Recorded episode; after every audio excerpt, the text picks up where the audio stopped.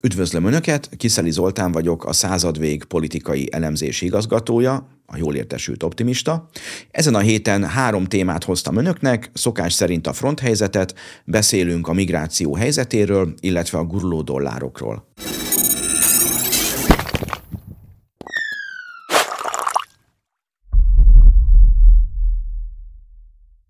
Kérem, hogy aki eddig még nem tette meg, az iratkozzon fel a csatornára. Ha tetszik a műsor, nyomjon egy lájkot, verjük át az algoritmust, hiszen minél többen lájkolják a műsort, annál előbbre sorolja az algoritmus a műsort a többi műsorhoz képest, és így több emberhez jut el az üzenet. Szokás szerint először a fronthelyzetről szeretnék beszélni. Az ukránok valamelyest sikeresebbek lettek az elmúlt hetekhez képest, azonban ennek az oka nem a nagy áttörés, amit a háborúpárti sajtó már hetek óta mond, hanem a taktikának a megváltozása. Ha a katonai szakértőket figyeljük, az ukránok taktikát váltottak, és már nem páncélosokkal támadják az orosz vonalakat, hanem gyalogos katonákat küldenek előre, ilyen rajokat, kisebb szakaszokat, ilyen 6-8 emberből álló kisebb rajokat képzeljünk el, amelyek elindulnak az orosz vonalak felé, gyakran éjszaka, vagy amikor rossz az idő, és akkor átszivárognak ezeken az orosz fővédelmi vonalakon. Ugye itt az első vonalat már megközelítették, és a gyalogosok már át is törték, és ezek a gyalogosok mennek tovább, most már nem mennek vissza, hanem megpróbálják az orosz állásokat elfoglalni, és ilyen gyalogos harcban, amikről láthatunk a Twitteren vagy a YouTube-on is néha felvételeket, ilyen közel harcban próbálják kiszorítani az oroszokat ezekből az állásokból, és ezzel tudnak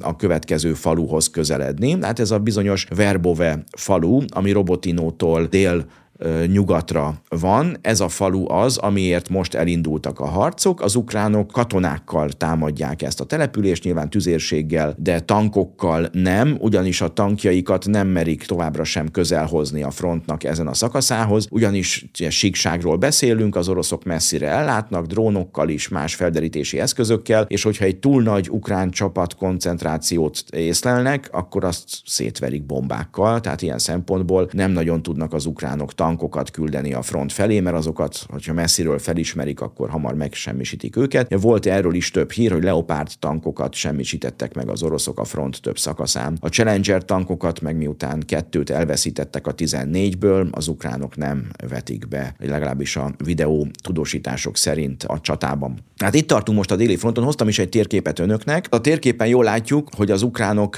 ezeket a piros háromszögeket elérték és túlhaladták, ez az orosz védelmi védelmi vonal. Mint mondtam, gyalogosokkal tették ezt, nem páncélosokkal, nem az a klasszikus páncélos roham törte át ezeket a vonalakat, hanem lopakodó, settenkedő gyalogosok, akik kitartóan hullám-hullámot követve támadták az oroszokat, és ki tudták szorítani őket ezekből az állásokból. Azért el kell mondani, hogy ez nagyjából négy hónap alatt történt, tehát négy hónap alatt tettek meg 10 kilométert óriási áldozatok árán. Nyilván ez egy hősies cselekvény, csak hát Bakhmuthoz hasonlít, ahol az oroszok voltak hasonló helyzetben, ők 7 hónap alatt tudtak előre törni, elfoglalni ezt a várost, óriási áldozatok árán, ez a Wagner csoport volt. Most az ukránok vannak hasonló helyzetben, itt Robotino falu elfoglalása, vagy most Verbove elleni támadás, ahhoz hasonlít, hogy ilyen csigalassúsággal támadnak, óriási veszteségeket szenvednek. És hát amiről a korábbi műsorokban beszéltem, a front más szakaszairól kell csapatokat átirányítaniuk, hogy fent tudják tartani a támadásnak az intenzitását. Az ukrán betöréstől délnyugat felé, ha nézünk, akkor ott van ez a bizonyos Tokmak városa, ilyen a piros háromszögekből egy ilyen kör képződik köré, ez egy erődváros, az oroszok megerősítették, továbbra is erősítik. Ugye az ukránoknak az tűnik reális célnak, hogy még a, az, vagy az esős időszak előtt, bár erre kicsi az esély, vagy majd az esős időszak után, az első téli fagyok idején ezt a várost elérjék, megközelítsék, vagy elkezdjék ostromolni. Az oroszok nyilván mindent megtesznek annak érdekében, hogy ezt ne tehessék, és még egyszer el kell mondani, hogy ahol most az ukránok vannak, onnan még 70 kilométer a tenger, tehát hogyha azt látjuk, hogy négy hónap alatt 10 kilométer tudtak előre haladni, akkor azt látjuk, hogy ez még nagyon messze van, és hát Tokmak városa az, ami egy vasúti csomópontként, orosz utánpótlási bázisként inkább egy reális cél lehet az ukránok számára. Hát meglátjuk, hátralévő nagyjából még 3-4 hét, ameddig a sáros időszak be nem köszönt, megmutatja, hogy melyik fél tud felül felülkerekedni a másikon, de itt inkább ilyen kisebb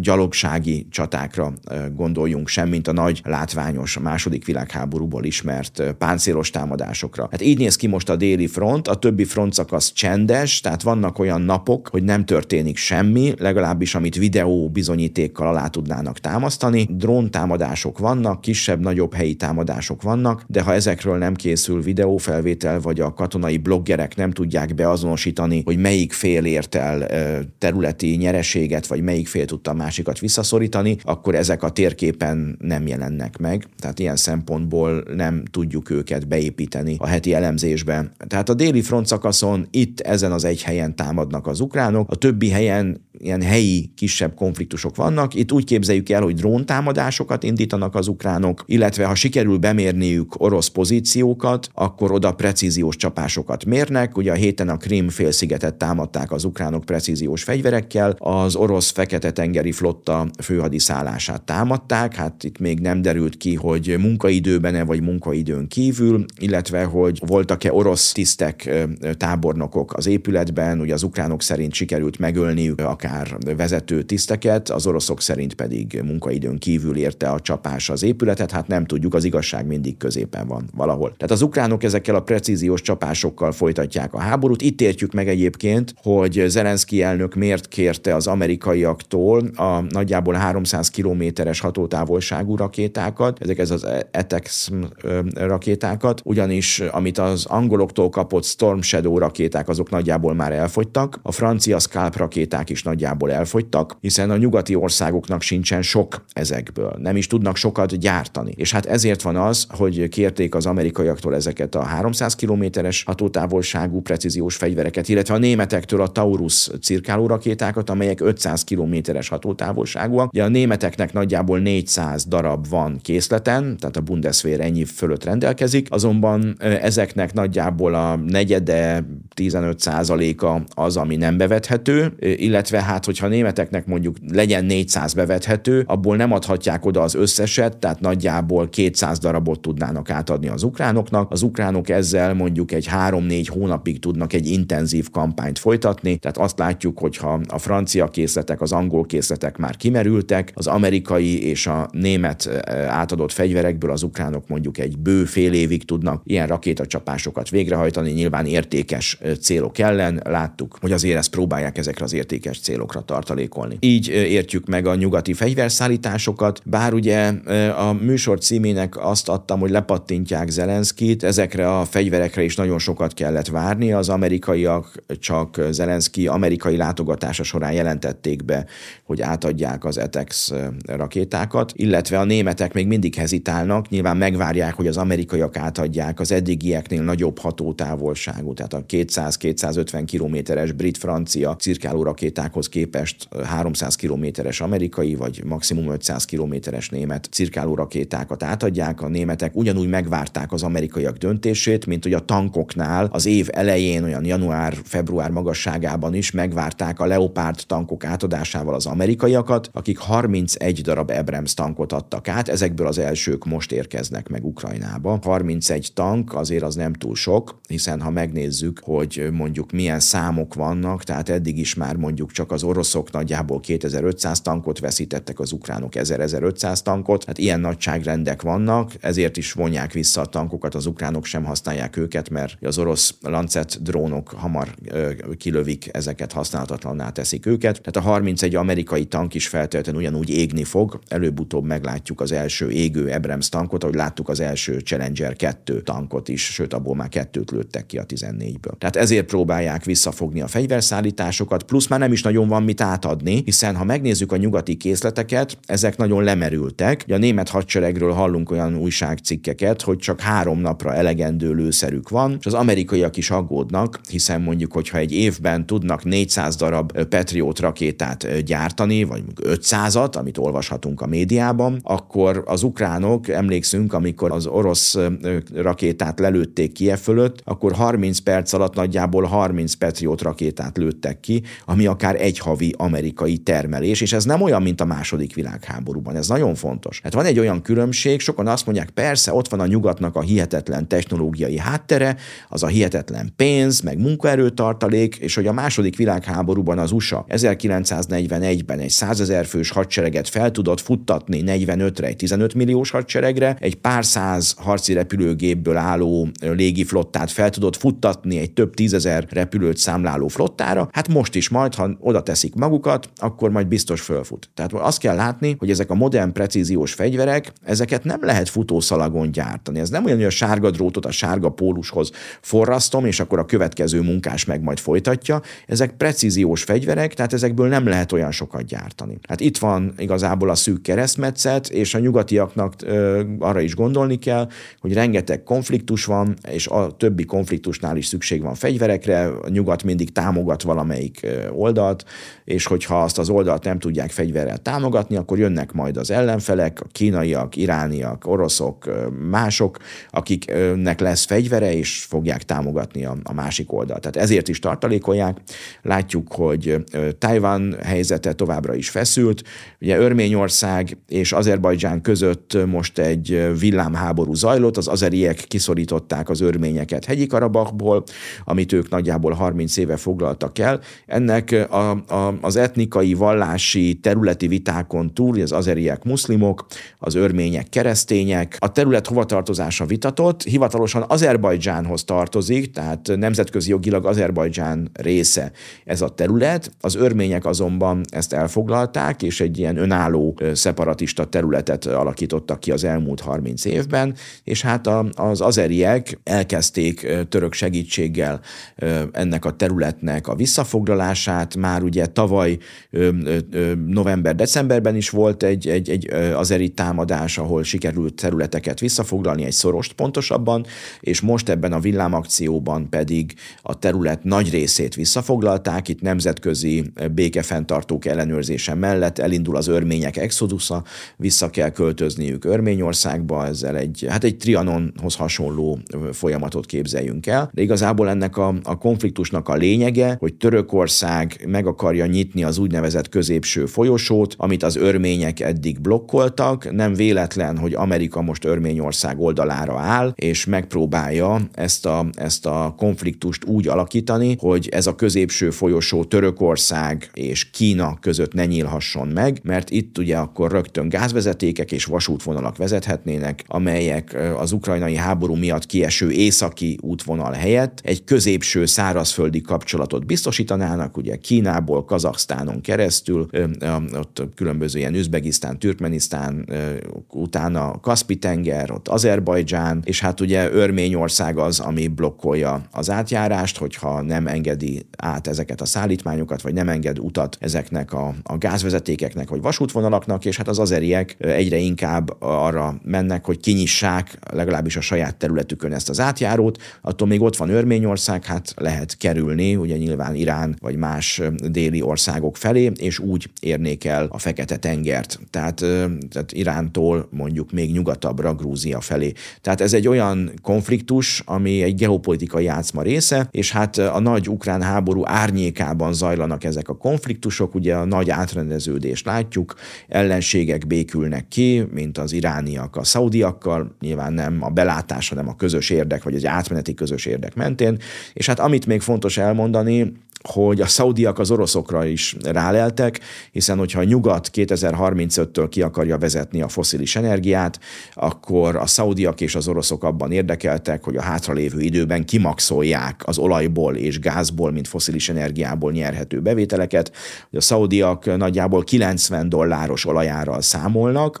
Hát ugye nagy terveik vannak, a szaudi trónörökös szeretne egy 100 kilométer hosszú várost építeni, képzeljünk el egy csíkot a sivatagban, ami mondjuk 20-30 kilométer széles, és mondjuk 100 kilométer hosszú, ő kitalálta, hogy egy ilyen várost akar építeni, tehát nem egy kocka alakú vagy gömb alakú várost, hanem egy, egy, egy csík alakú várost, és ehhez is kell pénz, plusz hát ugye a, a, az Armaco a legnagyobb szaudi olajvállalat az, ami, ami a bevételeket ugye realizálja, és hát ez a világ egyik legnagyobb tőzsdei kapitalizációjú cége, tehát hogyha nagyobb az olaj olajbevétel, akkor ez a cég is ugye erősebb lesz, plusz ugye a szaudi trónörökösnek az álmait, hogy regionális szereplő legyen Szaudarábia, vagy mondjuk befektetéseket eszközölhessen máshol, hogy komolyabban vegyék, a pénz meg legyen hozzá. Az oroszoknak meg nyilván jól jön az, hogyha nem 30-40-50 dollárért adják az olajat, hanem ahogy most egyébként 70 dollárért, hát a G7-nek a 60 dolláros olajár sapkája az, az ment a kukába, mert amíg a szaudiak húzzák föl az olajnak az árát, addig az oroszok is jól járnak, hiszen az orosz urál típusú olajára is megy föl, hogyha a másik olaj, a Brent ára is megy föl. Tehát ezt látjuk a benzinkutakon, hogy a háború árnyékában plusz az elhibázott brüsszeli szankciók miatt, plusz az ideológia vezérelt zöld átállás miatt, hogy ilyen erőltetett módon akarják kivezetni az olajat, nyilván akkor a többiek is reagálnak, amilyen az adjon Isten, olyan a fogadj Isten. Ha Brüsszel ki le akar válni az olajról, és a foszilis energiát ki akarja vezetni, akkor a foszilis energiából élő országok ki akarják maxolni a hátralévő időt. Kik fognak ezért fizetni? Az európai autósok, az európai fogyasztók, hiszen mindent szállítani kell, és az olajár emelkedésével a szállítási költségek is emelkedni fognak. Visszatérve Ukrajnára hoztam egy másik képet is önöknek, ez a Bakhmuti front. Ugye arról beszélünk, hogy az ukránok két helyen támadnak, a déli frontszakaszról már beszéltem, most a, a Bakhmuti frontszakaszról hoztam egy képet. Itt sem változott a helyzet, az ukránok továbbra is Bakhmuttól délre támadnak, itt ez a világos kék rész mutatja az ukránok területi nyereségét. Ugye hát ezt úgy képzeljük el, hogy itt vannak ilyen öntöző csatornák, vasútvonalak, országutak, és ezeknek az ellenőrzésért zajlik a harc. Az ukránok ki tudták szorítani az oroszokat egy ilyen öntöző csatorna mögül, egy országút mögül. Most jelenleg egy vasútvonal mentén zajlanak a harcok. Az oroszok mindig kapaszkodnak ezekbe a földrajzi akadályokba. Érthető, hogy ugye ezek egy ilyen természetes védvonalat alkotnak, és hát most a vasútvonalba kapaszkodnak az oroszok, hogy azt sikerül megtartaniuk. Az ukránok meg ugyanúgy, ahogy a déli szakaszon, ezen a, a, a keleti front szakaszon is összevonják a csapataikat, tehát óriási területek vannak katonák nélkül. Itt ilyen drónos egységeket képzeljünk el, hogyha az oroszok támadnak, akkor az ukránok drónokkal támadnak, vagy precíziós fegyverekkel, ezt kevesebb emberrel tudják működtetni. A drón ugye figyel, ha látnak az oroszok részéről valamilyen mocorgást, vagy csapatösszevonást, akkor rögtön egy HIMARS rakétát küldenek, vagy drónokkal támadják az oroszokat, tehát itt sokkal kevesebb emberrel is tudnak egy nagy frontszakaszt ellenőrizni. Hát az oroszoknak meg ugye igazából mindegy, hogy most egy HIMARS lövi őket, vagy egy drón, az a lényeg, hogy ha ellenállásba ütköznek, akkor ők is ugye visszavonulnak. Bár az oroszok ügyesen puhatolják ki azokat a részeket, ahol az ukránoknak se embere, se drónja nincsen. Ezek a kis ilyen sárga kitülemkedések azok, ahol az oroszok tudnak előre menni, hát ők is nagyon lassan haladnak, mondjuk nem sietnek, az ő érdekük az, hogy az ukránokat felmorzsolják, egy húsdarálóba csalják az ukránokat, nem területet akarnak az oroszok foglalni, hanem ukrán katonákat megölni, és hát ez a Bakhmuti csata is, ahol az ukránok támadnak, alkalmas erre orosz részről. Ugye az oroszok is szenvednek el vesztességeket, tehát mind a két fél szenved, csak mindig aki támad, annak rosszabb, mert a támadó az, aki jobban kiteszi magát az ellenség tüzének. Hát azért hoztam ezt a Bakhmuti térképet, hogy lássák, hogy az ukránoknak ez a másik támadás iránya. Ugye többször beszéltem a műsorban arról, hogy az amerikai tábornokok és a nyugati politikai vezetők is neheztelnek Zelenszkire, mondván, hogy nem kéne két fronton támadnia, Bakhmutot fölöslegesnek tartják a, a, a nyugatiak, főként a katonai vezetők. Három hete volt is egy értekezlet, ahol az ukrán, angol és amerikai tábornokok megbeszélték a helyzetet, csak hát nem az ukrán tábornokok döntenek, hanem Zelenszky elnök, és amíg Zelenszky szimbolikus értéket lát Bakhmutban, Bakhmut visszafoglalásában, addig az ukrán katonák Bakhmutnál is támadni fognak, ugye körbe akarták zárni a várost, délről arra szólnak előre, tehát délen vannak sikerei az ukránoknak, ez vitathatatlan, északon azonban megrekedtek, hát egyrészt azért, mert el kell vonni a csapataikat délre, másrészt azért, mert annyi erejük nincsen, hogy északon és délen is támadjanak plusz Zaporozséban, tehát az ukránok ezért is mondhatjuk, hogy kifulladtak, vagy ö, ilyen szakaszos sikereket tudnak csak elérni, és amit Zaporozséről elmondtam, tehát a bizonyos Robotino, Verbove frontszakaszról, ez ugyanez érvényes egyébként erre a Bakhmuti frontszakaszra is, hogy vannak olyan napok, amikor nem kapunk híreket a frontszakaszról, azért egyszerűen, mert tényleg egy esős nap, vagy egy, egy, egy támadás után, amikor mindkét fél olyan veszteségeket szenved el, hogy több nap kell, hogy rendezzék a soraikat, addig vannak napok, hogy nem érkeznek harci cselekményekről hírek, csak dróntámadásokról, vagy egy-egy ilyen célzott pontszerű támadásról, amikor mondjuk kilőnek egy orosz vagy ukrán lőszerraktárat, vagy mondjuk egy vezetési pontot, esetleg egy radarállomást fölfedeznek és drónnal kilövik, de hát ezek, nem, ezek is harci cselekmények, csak nem azok a klasszikus támadó hadműveletek, ezek ilyen pontszerű támadások, amik minden nap zajlanak, de ezek a nagy támadások, ezek már egyre ritkábbak. Tehát a felek kimerülését mutatja ez. Ugye azt elmondtam, hogy orosz részről azért látunk egy 150 ezer fős tartalékot, aminek egy részét délre vezényelték, de még mindig azért egy 100 ezer fővel lehet számolni orosz részről, aminek a felhasználásáról még nem született döntés, ugye ennek továbbra is két lehetősége van, vagy ezeket az ukrán támadási pontokat erősítik meg orosz oldalról, hogy a húsdaráló továbbra is működjön, az oroszoknak ne kelljen érdemi területet feladni. Ez úgy néz ki, hogy a völgyekbe beengedik az ukránokat, a dombokat meg élethalál harcokban megtartják, mert a dombokról lehet ugye egyrészt messzebbre látni, másrészt meg a völgyeket lőni. Tehát igazából, amikor ilyen harcokat látunk, az a dombokért vagy a magaslatokért zajlik, az ukránok általában a völgyekben tudnak előre törni. Az oroszok hagyják is őket, mert ha bemegy a völgybe, és az már egy bemért hely, akkor nyilván a, a tüzérség könnyebben tudja ritkítani a, a, a, az ellenséget, hogyha olyan helyekre engedik be őket, amit már bemértek, és amik egyébként is mondjuk völgyben nehezebben védhetőek. Tehát így látjuk a fronthelyzetet. Ugye most volt Rámsteinban egy donor konferencia, amikor nyugati országok ajánlottak fel fegyvereket, hát nem nagyon tudtak mit felajánlani. Ezeket a bizonyos 300-500 kilométeres rakétákat tárgyalja most a nemzetközi sajtó, a németek még hezitálnak, de az ukrán külügyminiszter német kollégájának megmondta, hogy hát lehet itt kéretitek magokat, magatokat, de a végén úgyis át fogjátok adni ezeket a fegyvereket. Hát ugye kérdés, hogy mi lesz utána, most jön a 31 Abrams tank, feltehetően még szeptember végén vagy októberben ezeket meglátjuk a csatatéren, illetve hát jövőre érkeznek az F-16-os pilóták, vagy F-16-os gépek, a pilóta nem biztos, hogy jön hozzájuk. Az ember olvassa a szakirodalmat, olvas nyugalmazott pilótákat, olvas szakértőket, vagy katonai doktrinákat, azt látjuk, hogy ahhoz, hogy valaki egy igazi F-16-os pilóta legyen, ahhoz azért legalább két-három éves tréning kell, és évente azért legalább egy ilyen 100-150 repült óra. Ugye most nyílik majd az F-16-os akadémia Romániában, ahol nem csak az ukránokat, de európai pilótákat is képeznek majd F-16-osra, de hát ugye ez most fog csak megnyílni. Kérdés, hogy az ukránok ott, ahol már eddig képezték őket, Amerikában a hírek szerint két ukrán pilótát képeztek, ugye Angliában is, máshol is. Ezeknek a, a tréningje mennyire sikerül, hogy mennyire fognak tudni a szovjet technikáról átszok, átszokni a nyugati technikára. Hát itt tart most a háború, versenyfutás zajlik az idővel az esős időszakra. Vár mindenki, hogy addig olyan pozícióba kerüljön, amit az esős időszak után jobban meg tud védeni, vagy a támadásához kedvezőbb kiindulási pont legyen. Térjünk át a második témánkra, ami a migráció kérdése. Ugye ez, ez is az időjárással függ össze. Ugye most még jó idő van a földközi tengeren, ott is ősszel indul a, a viharos szezon, amikor már az időjárás egyszerűen megnehezíti az átkelést, pláne ha lélekvesztőkön érkeznek a migránsok. Ugye, ha megnézzük az érkezési számokat Lampedusa szigetén, ez Olaszországtól délre van, még Szicíliától is délre, és nagyjából 300 tengeri kilométerre van légvonalban Tunézia partjaitól, és nagyjából 450 tengeri kilométerre légvonalban Líbia partjaitól.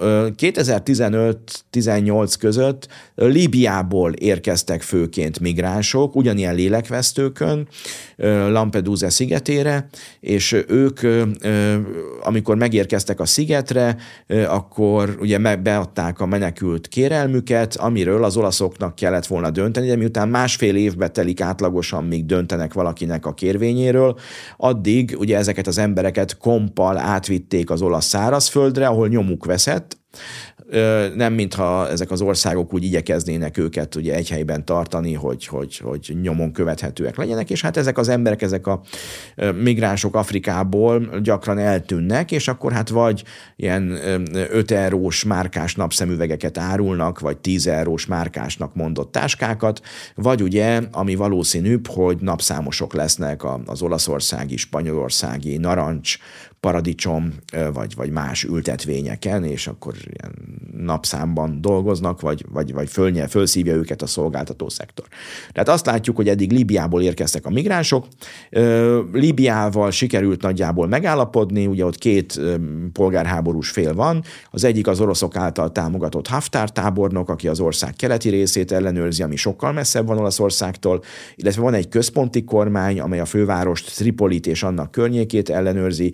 Ők Törökországtól kapnak támogatást, illetve az Európai Uniótól, és amióta az Unió elismeri őket, illetve támogatja pénzzel a líbiai határvédelmet, azóta Líbiából sokkal kevesebben érkeznek. Tunéziával is lett volna egy ilyen megállapodás, Georgia Meloni és von der Leyen is elment nyáron Tunéziába, nagyjából 900 millió eurót ígértek, nem adták oda, csak ígérték, és de látjuk a törököknél, hogy ott 3 plusz 3 milliárd euróról volt szó 2016 után, amit így csepegtettek, hogy a törökök betartsák a megállapodást, jól-rosszul azért be is tartották, nagyjából 2020-ig, onnantól kezdve már nem tartják be mert a pénzt se kapták meg arányosan.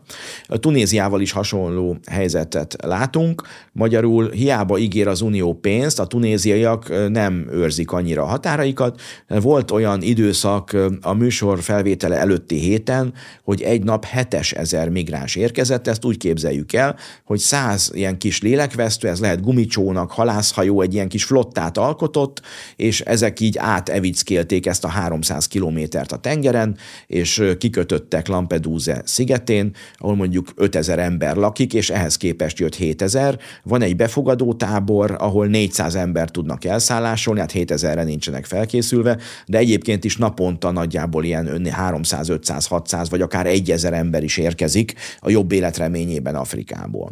Tehát Tunézia nem csukja be a zsilipet, nyilván ez az embercsempészeknek egy komoly bevételi forrás, illetve hát ezek a migránsok, amíg nem szállnak hajóra, addig azért ott vannak. Sokan egyébként, hogy ezt láttuk korábban Törökországban is, vagy más ö, ilyen tranzitországokban, hogy ott keresik meg a pénzt az átkelésre, tehát mondjuk nagyon sokan, mondjuk Tunéziában, vagy más országokban dolgoznak, akár képzettségük alatt, ö, ilyen kisegítő munkákra gondoljunk, vagy, vagy, vagy bármilyen munkára, akár illegális tevékenységre, amiből összeszedi azt a két-három ezer eurót, amibe az átkelés kerül, tehát az ottani munkaerőpiacon értékesíti a tudását, ezzel nyilván ugye olcsóbbak lesznek a termékek, szolgáltatások, és hát ugye több, több munkaerő jelenik meg ezekben az országokban.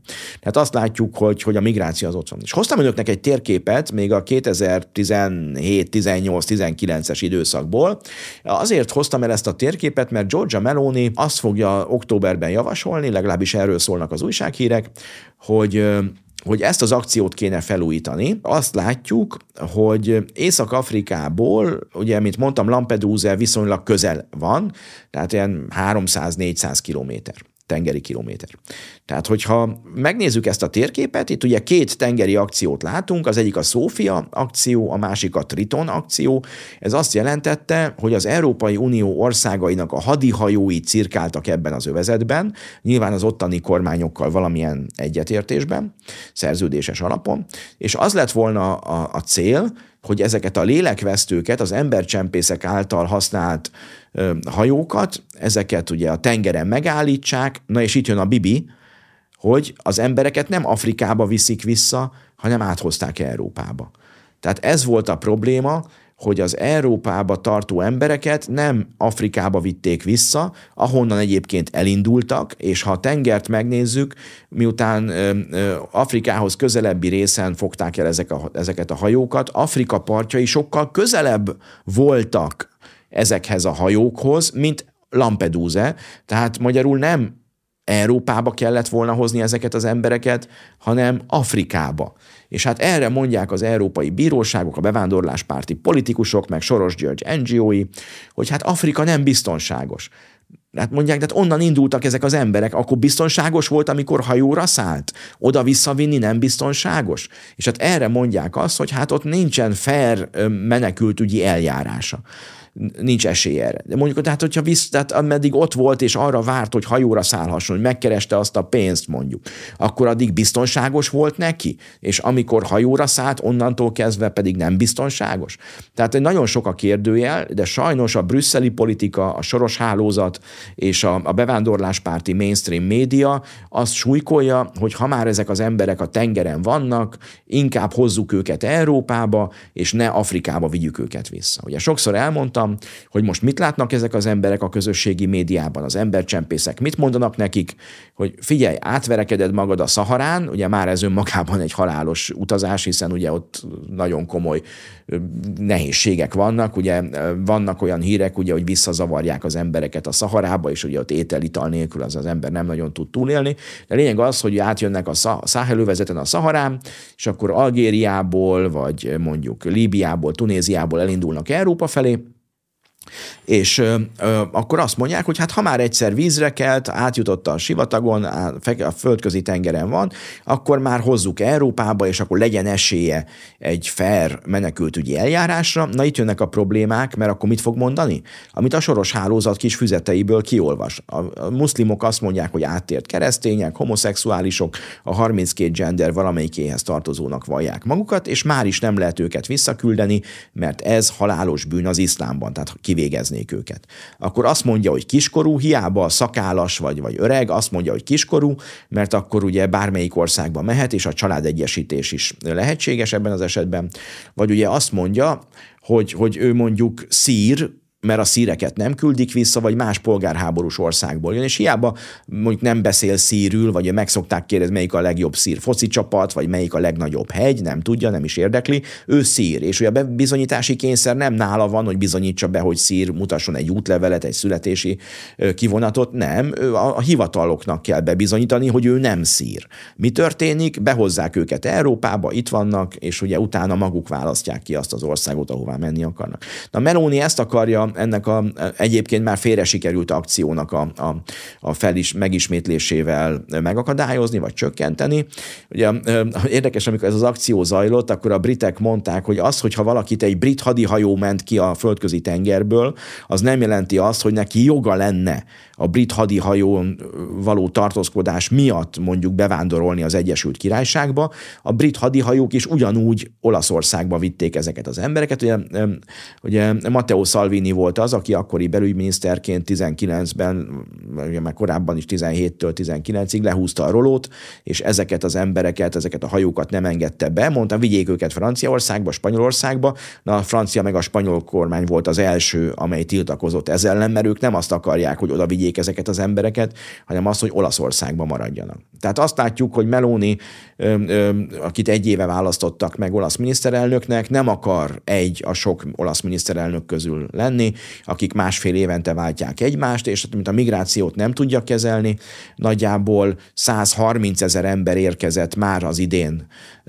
Lampedusa és más olasz szigetekre. Ez azt jelenti, hogy ez így megy tovább, akkor visszatérünk azokhoz a korábbi nagy számokhoz, amelyeket mondjuk 2015-16-ban láttunk, és ugyanez igaz egyébként Németországra is, hogy tehát Meloni szeretné Olaszországban korlátozni a megérkező migránsok számát, ez csak úgy tudná elérni, hogyha ezek a hadihajók Afrikába viszik vissza a migránsokat, és nem Európába hozzák. Ha ezt sikerül Melóninak elérni, akkor tényleg egy karakán miniszterelnöke lesz Olaszországnak, aki viszont magára húzza a brüsszeli bevándorláspárti politikusok és a soros hálózatnak a haragját. Na onnan szép nyerni, de biztos vagyok benne, hogy a magyar és a lengyel kormányra számítat, és a Szlovákiában is jól sikerül a választás most szeptember 30-án, akkor biztos vagyok benne, hogy az egyébként bevándorlás ellenes szlovák közvélemény is is a, ilyen kormány, hogyha Pozsonyban ilyen kormány lesz, Meloni mellé áll, mint ahogy a magyar kormány is a migráció kérdésében egyértelművé tette, hogy semmilyen elosztási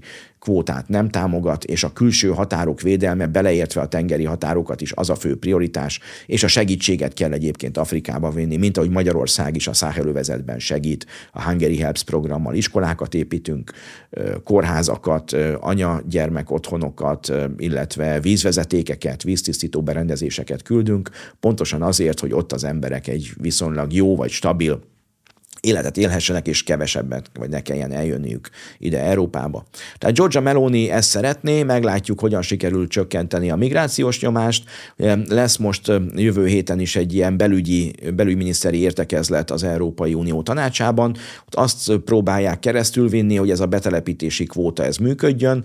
Nem működik. A lengyelek megmondták, hogy hallani sem akarnak a többségi szavazással rájuk kényszerített kvótáról, és hát Magyarország is ugye nem nem csak a 16-os népszavazáson, vagy, vagy azóta több országgyűlési választáson, de a magyar emberek kimondták, hogy nem akarnak nagy számú idegen népességet Magyarországon látni, és hogy az alaptörvény módosítása is kimondja, hogy az országgyűlésnek van joga dönteni arról, hogy milyen feltételekkel engednek be embereket, és nem a brüsszeli bevándorláspárti politikusoknak. Tehát ezért fontos ez a migrációs kérdés. Németországban egyébként már, már mindennek vége, tehát a, már nem, nem csak a polgármesterek mondják, hogy nem tudnak több ember embert elhelyezni, hanem a, a, az integráció is megbicsaklott, tehát nincs annyi tanár, egyébként sincs tanár egyébként, hogy a Covid után ugyanúgy, mint ahogy Magyarországon kevés a tanár, kevés az ápolónő, kevés az idősekkel foglalkozó, kevés az orvos, vagy, vagy máshol vannak az orvosok, mint a betegek. Ugyanezt látjuk Németországban is, ugyanúgy nincsen tanár, ugyanúgy menekülnek az emberek az egészségügyből, ugyanúgy az idős otthonokban nagyon kevés a, a munkaerő, és azt látjuk, hogy erre kéne kéne most még azt az csak idén 200 ezer migránst is integrálni, akiket ugye németül kéne képezni, a szakképzési rendszerbe kéne betenni, és ugyanazok a viták vannak most Németországban, mint 30 éve. Értsd, hogy nem pénzt kéne adni a migránsoknak, hanem tájbeli szolgáltatásokat, tehát ruhát, cipőt, mondjuk, vagy mondjuk a lakásukba bútort, vagy a bérlakásukba bútort, és nem pénzt, mert ugye a pénz az akkor nem motiválja őket, hogyha, hogy dolgozzanak. Tehát ugyanazok a viták vannak, hogy, hogy hova tegyék őket, ugye megint a tornatermeket megnyitják, de most az a különbség, hogy korábban még akik 15-ben jöttek, azokat még ki tudták közvetíteni bérlakásokba, akik most jönnek, azokat már nem. Ott van nagyjából másfél millió ukrán háborús menekült, akik szintén ugye ott vannak Németországban. Tehát azt látjuk, hogy a németek most mind a két kezüket fölteszik, hogy nem tudnak mit csinálni a migrációs helyzettel, miközben óriási számban jönnek az új migránsok, főként ugye most Olaszországból, de hát a nyugat-balkáni útvonalon is jönnek. Hát próbálkoznak, most október 8-án lesz Bajorországban és Hessenben választás, próbálkoznak most meg jövőre Kelet-Németországban, három tartományban, hogy most a lengyelországi és a csehországi határt a németek szigorúbban ellenőrzik, de hát ez nem jelent semmit, mert a zöld határon még mindig át lehet menni, tehát hogy ez nem fogja elrettenteni az embercsempészeket és a migránsokat. Tehát a migrációs helyzet Európában fokozódik, a jobb életet kereső embereket mágnesként húzza Németország, amíg a német németek nem változtatnak, addig azt mondhatjuk, amit Orbán Viktor mondott korábban, hogy a migráció az egy német probléma, mert amíg Németországba akar minden migráns menni, amíg elég vonzó Németország, addig mi tehetünk akármit, ezek az emberek oda fognak menni, hat ökör sem tudja őket feltartóztatni, megtalálják azokat az útvonalakat. Tehát a migráció helyzete nagyon fontos, Sajnos, hogy az európai politika olyan üzeneteket, üzeneteket küld a világ többi részére, ami ide hívja az embereket, ide csalogatja, az embercsempészek meg ebből egy jó kis üzletet csinálnak, sütögetik a pecsenyéjüket, és nem azok az üzenetek mennek ki, hogy megpróbáltad, bejutottál, elutasítottak, visszaküldtek. Tehát csak Németországban nagyjából 250 ezer embert kéne hazaküldeni, de hát nem tudják őket hazaküldeni. Hát sok probléma van a migrációval, foglalkozunk a témával még a következő hetekben, most viszont térjünk rá harmadik témánkra, ami a guruló dollároknak az ügye. Ezek a guruló dollárok régóta foglalkoztatják a közvéleményt. Ugye Barack Obama volt, amikor még demokrata párti elnökjelöltként jelentkezett, az első, aki így a közelmúltban, az elmúlt mondjuk most már 20 évben a mikroadományokat, mint fogalmat behozta. Ugye már akkor is gyanítottuk, hogy a mikroadomány, mint kifejezés arra jó, hogy a makroadományokat elfedje, de hát ugye milyen jól hangzik, hogy hát sok-sok ember összegyűjtötte azt a, azt a kampánypénzt.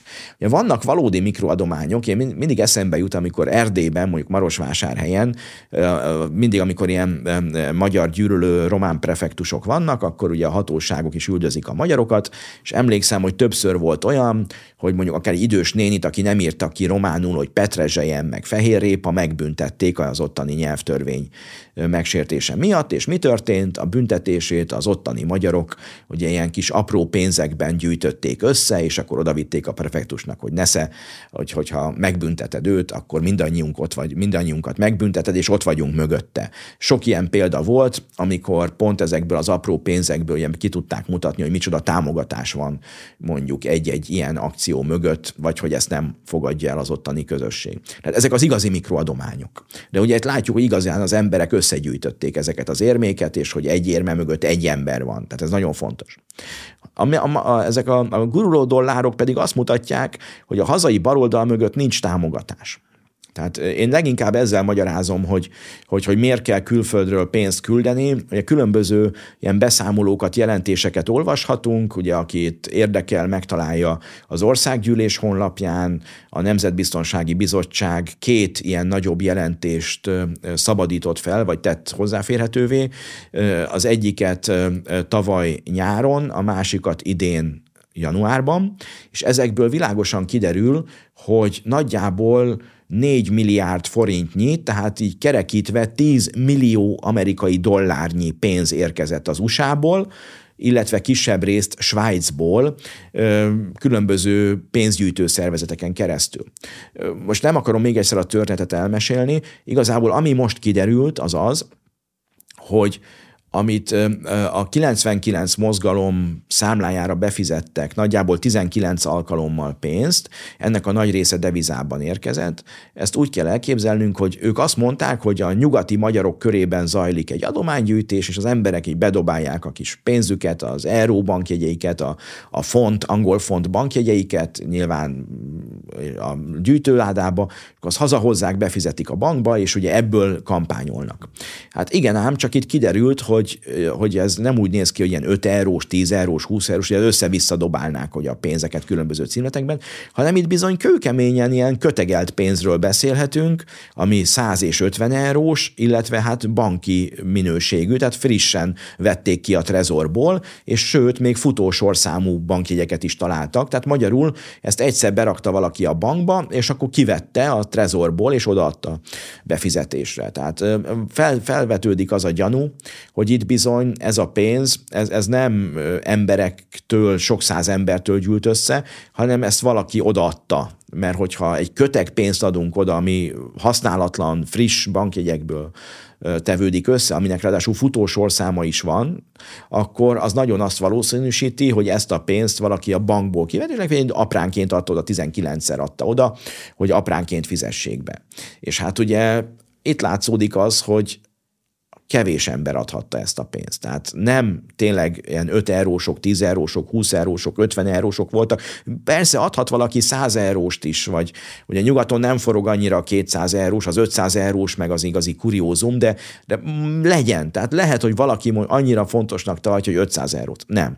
Tehát általában az emberek nem is hordanak nyugaton nagyon pénzt maguknál, de mondjuk legyen 5 euró, 10 euró, 20 euró, az mindenkinél van. 50 eurós ritkábban, de az is. De az, hogy 100 eurós, meg 50 eurós, kizárólag és csak vadi új, nem gyűrött, nem használt, hanem vadi új pénzek, ez azt, gyanús, azt a gyanút erősíti, hogy bizony-bizony itt a trezorból vettek ki pénzt. És hát jön még egy kérdés, nevezetesen az Európai Unió szabályai szerint, ha valaki átlépi a tagországok határát, akkor maximum 10 ezer euró lehet nála készpénzben.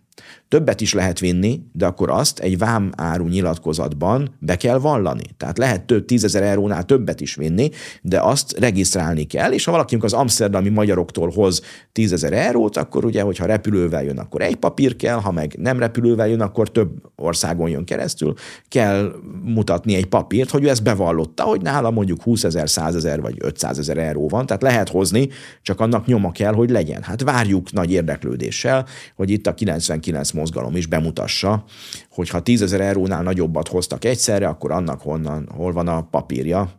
Tehát nagyon sok a kérdője. Én azt gondolom, hogy itt ez egy nagy makroadomány volt, kevés donortól, és hát pont azt a támogatottságot volt hivatalos ellensúlyozni, ami nincs meg.